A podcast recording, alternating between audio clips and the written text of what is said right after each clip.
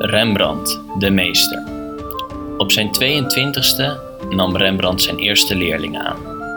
We denken dat Rembrandt voor wel 50 leerlingen meester is geweest. Als meester leerde Rembrandt zijn leerlingen schilderen volgens de regels van de kunst. Maar hij leerde ze ook eigen regels. Rembrandt was namelijk altijd bezig met vernieuwingen in zijn eigen werk. Toen Rembrandt in Amsterdam ging wonen, nam hij steeds meer leerlingen aan. Rembrandt kocht zelfs het pand naast zijn huis en ging daar de lessen geven.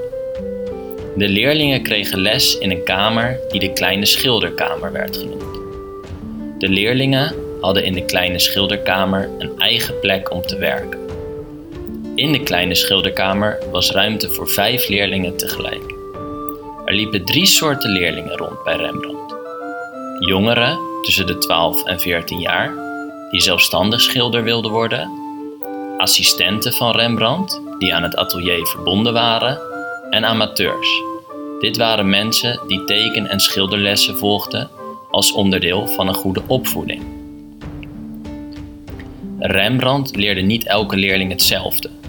Sommige leerlingen leerden meer verfijnd schilderen en andere leerlingen leerden schilderen met de grove kwast.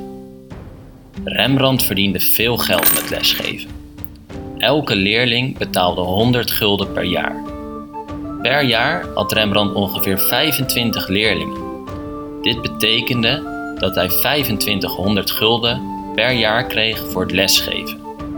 Om te zien hoeveel dat is, een geoefend ambachtsman verdiende in die tijd ongeveer 250 gulden per jaar.